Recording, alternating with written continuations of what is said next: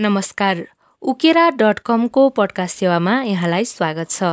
दुर्व्यवहारको आरोप लागेका भुवन केसी बोर्ड अध्यक्ष बने चलचित्र क्षेत्रले स्वीकारला भन्ने विषयको लेख प्रस्तुत गर्दैछौ।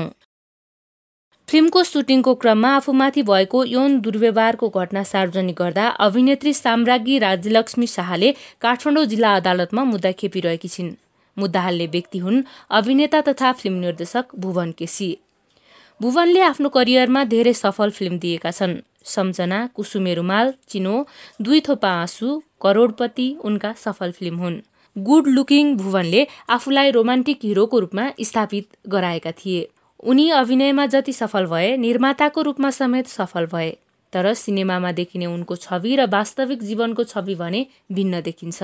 वास्तविक जीवनमा उनको छवि विवादित छ। उनी पटक पटक महिलासँग जोडिएर विवादमा आउने गरेका छन्। यही विवाद मध्येको गम्भीर विवाद हो साम्राज्ञीसँगको। कोरोना कालमा साम्राज्ञीले आफ्नो इन्स्टाग्राम अकाउन्टमा भिडियो पोस्ट गर्दै नेपाली फिल्म क्षेत्रमा काम गर्ने क्रममा तीनवटा ब्यानरबाट निकै दुःख पाएको सार्वजनिक गरेकी थिइन्। उनले कस्तो दुःख पाएको उल्लेख गरिन् तर दुःख दिनेको नाम खुलाएकी थिइनन्।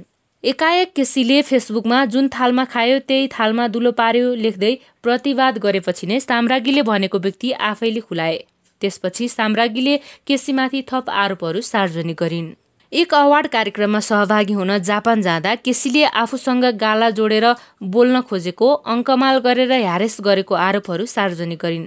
त्यसपछि केसी मानहानी भयो भनेर काठमाडौँ जिल्ला अदालत गए। अदालतमा मेलमिलापको प्रयास भएको थियो तर मेलमिलाप नभएपछि यो मुद्दा चलि नै रहेको छ टुङ्गो लागिसकेको छैन। जुन बेला साम्राज्ञीले आफूमाथि भएको दुर्व्यवहारको घटना सार्वजनिक गरिन् त्यही समयमा अर्की एक महिलाले केसीले आफूमाथि गरेको दुर्व्यवहार प्रमाणसहित सार्वजनिक गरेकी थिइन्। दुई वर्ष अघि क्यानाडामा रहेकी ती महिलाले सामाजिक सञ्जालको स्क्रिनसटसहित भुवनले आफूमाथि गरेका दुर्व्यवहारको घटना सार्वजनिक गरेकी थिइन्। उनले आफूले साम्राज्ञीको फिल्महरू हेरे पनि व्यक्तिगत रूपमा नचिनेको भन्दै साम्राज्ञीको भिडियोमा आएको प्रतिक्रिया हेरेपछि उनलाई सहयोग पुगोस् भनेर केसीले आफूलाई गरेको दुर्व्यवहारबारे सार्वजनिक गरेको बताएकी थिइन्। उनले सार्वजनिक गरेको फेसबुक च्याटमा फिल्ममा अभिनय गर्ने प्रस्ताव राख्दै आफूलाई ह्यारेस गरेको उल्लेख गरेकी थिइन्। उनले आफ्नो भिडियोमा कुरा गर्दै केसीले दुर्व्यवहार गरेको बताएकी थिइन्। उनी क्यानाडामा बसेर लिडरसिप लगायतका विषयमा युट्युबमा भिडियोहरू बनाउँदै आएकी छिन्। उनले सार्वजनिक गरेको भिडियोमा केसीले फ्रेन्ड रिक्वेस्ट पठाएपछि पत्यार नलागेको तर पछि एक्सेप्ट गरेर एकाउन्ट सही हो या गलत हो भनेर कन्फर्म गर्नका लागि भिडियो च्याट गरेको बताइन्।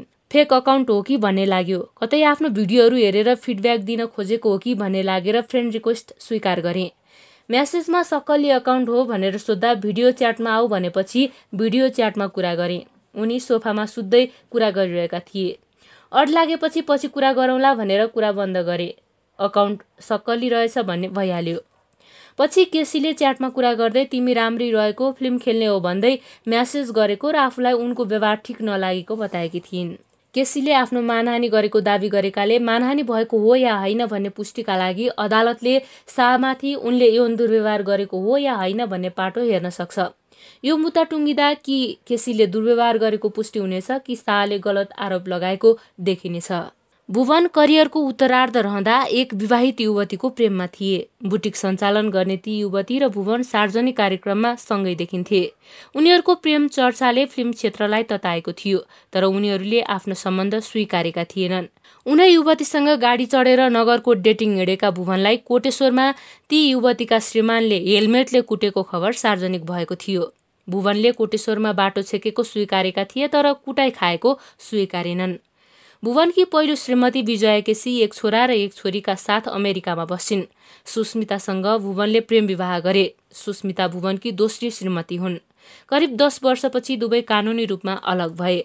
पछि भुवन अभिनेत्री जियासँग जोडिए। उनीहरूले आफ्नो सम्बन्ध सार्वजनिक रूपमा खुलाएनन्। तर उनीहरू कहिले क्यासिनोमा सँगै देखिए त कहिले कहाँ। पछि यी दुवै लिभ इन रिलेसनमा रहेको सार्वजनिक भयो। चलचित्र विकास बोर्डको अध्यक्ष बन्ने उनको रहर पहिलो होइन। पहिला पनि रहर गरेकै थिए तर उनी प्रतिस्पर्धामै सहभागी भएनन्। उनी स्थानीय तहको निर्वाचन अगाडि शाहको साथमा प्रधानमन्त्रीको सरकारी निवासमा गएर काङ्ग्रेस सभापति तथा प्रधानमन्त्री शेरबहादुर देउबाबाट काङ्ग्रेसको सदस्यता लिए। उनले सदस्यता लिँदा चलचित्र विकास बोर्डको नेतृत्व खाली भइसकेको थियो। उनले सरकारले जिम्मेवारी दिए आफू बोर्डको नेतृत्वका लागि तयार रहेको भन्दै रहर देखाए। आवेदन खुल्यो उनले आवेदन पनि दिए। काङ्ग्रेसबाट बोर्डको अध्यक्ष हुनु अगाडि उनले एमाले प्रवेश गरेर काठमाडौँ क्षेत्र नम्बर एकबाट सांसद हुने प्रयास गरेका थिए। उनी दुई हजार चौहत्तरको निर्वाचन अगाडि एमालेमा प्रवेश गरेका थिए तर सांसदको टिकट पाएनन्। हालसालैको स्थानीय तहको निर्वाचन अगाडि उनी काठमाडौँ महानगरपालिकाको मेयरको उम्मेद्वार बन्ने चर्चा भएको थियो। तर संकेत राम्रो नदेखेपछि आफू व्यस्त रहेकाले काम गर्न नभ्याउने भन्दै उम्मेद्वार नभन्ने घोषणा गरे।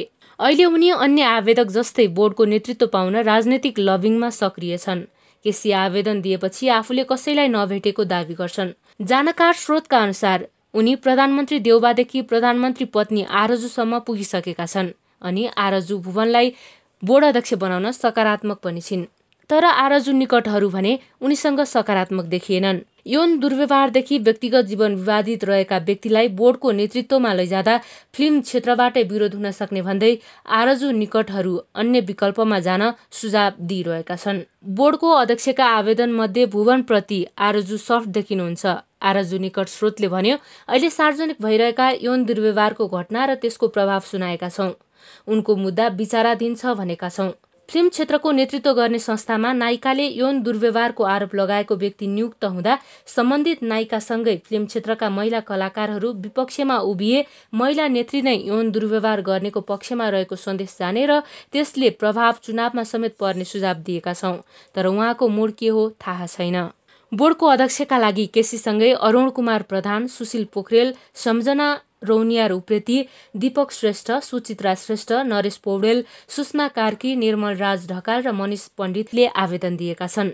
आवेदक मध्ये अन्तर्वार्ता र पेश गरेको योजनाको आधारमा छनौट समितिले तीनजनाको नाम चयन गरेर सिफारिस गर्नेछ। तीनमध्ये एकजनालाई मन्त्री परिषदले नियुक्त गर्नेछ। जानकार स्रोतका अनुसार साउन पहिलो सातासम्ममा बोर्ड अध्यक्ष नियुक्त गर्ने गरी संचार मन्त्रालयले तयारी गरिरहेको छ। दसजनाले आवेदन दिए पनि प्रतिस्पर्धा भने तीनजना बीच देखिन्छ। केसी प्रधान र रोनियार मध्ये एक बोर्ड अध्यक्ष नियुक्त हुन सक्ने सम्भावना बढी देखिन्छ। केसीलाई नियुक्त गर्न प्रधानमन्त्री देउबादेखि आरजुसम्मलाई कन्भिन्स गर्न निरसा आफै सक्रिय देखिन्छन्। अर्का प्रतिस्पर्धी प्रधान सञ्चार मन्त्री ज्ञानेन्द्र बहादुर कार्कीको निर्वाचन क्षेत्र निवासी हुन्। उनी काङ्ग्रेस राजनीतिमा प्रत्यक्ष संलग्न छन्।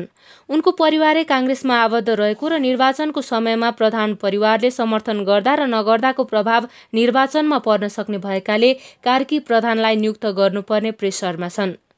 उनलाई बोर्डमा नियुक्त गर्न कार्कीलाई दबाव दिन हरेक दिन जसो काङ्ग्रेसका स्थानीय नेताहरू कहिले घर त कहिले मन्त्रालय पुग्ने गरेका छन्। अर्की प्रतिस्पर्धी रौनियार प्रकाशमान सिंह निकट हुन्। उनी पनि काङ्ग्रेसको राजनीतिमा प्रत्यक्ष संलग्न छिन्। रौनियार यो बीचमा उनी संलग्न फिल्म मेघामा प्रयोग गरिएको गोपाल योन्जनको गीतको दुरुपयोग गरेको विवादमा परेकी थिइन्। उकेराले केसीसँग गरेको कुराकानीको सम्पादित अंश पनि हामीले यहाँ समेटेका छौं। उनले भनेका छन् जब नेपालमा पाँच वर्षमा एउटा फिल्म बन्थ्यो त्यो बेलादेखि म फिल्म क्षेत्रमा सक्रिय छु। चालिस वर्ष भयो म यो क्षेत्रमा लागेको। यो क्षेत्रबारे अझै बुझ्न बाँकी होला तर अहिलेसम्म मैले जति बुझ्न सकेको छु त्यसको आधारमा नेतृत्वमा पुगेर केही योगदान दिन सक्छु कि भनेर बोर्डका लागि आवेदन दिएको हुँ। नेपाली चलचित्र क्षेत्रमा भएका समस्याबारे मलाई राम्रो जानकारी छ। यो क्षेत्रका फिल्म निर्माता कलाकार अनि प्राविधिकहरूको समस्याबारे जानकार छु। नेपाली फिल्ममा देखिएको त्यही समस्या सम्बोधन गर्न सक्छु भनेर बोर्डको नेतृत्वका लागि आवेदन दिएको हुँ। म योग्य छु र मलाई सरकारले विश्वास गरेर नियुक्त गर्छ भन्ने आत्मविश्वासले नै मैले आवेदन दिएको हुँ।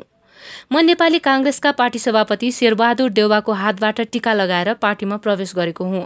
त्यसपछि मैले उहाँलाई भेटेको छैन अन्यलाई पनि भेटेको छैन। म माथि जे जस्तो आरोप लागेको भनेर सोधिरहनु भएको छ त्यो आरोप होइन। मलाई कसैले आरोप लगाएको छैन। म काठमाडौँ जिल्ला अदालत गएको साम्राज्ञी राज्यलक्ष्मी शाहले बोल्ने क्रममा सिनियरको अलि सम्मान नगरेको लागेकाले हो। म विरुद्ध कोही अदालत गएका छैनन्। अब सामाजिक सञ्जालमा कसले के भन्छ त्यसको आधारमा मात्र आरोप लागेको भन्न नमिल्ला। त्यसैले अहिलेसम्म म विरुद्ध कोही अदालत नगएकाले म माथि कुनै आरोप लागेको छैन। सरकारले मलाई बोर्डको नेतृत्व दिएमा फिल्म क्षेत्रका सबैले स्वागत नै गर्नेछन्।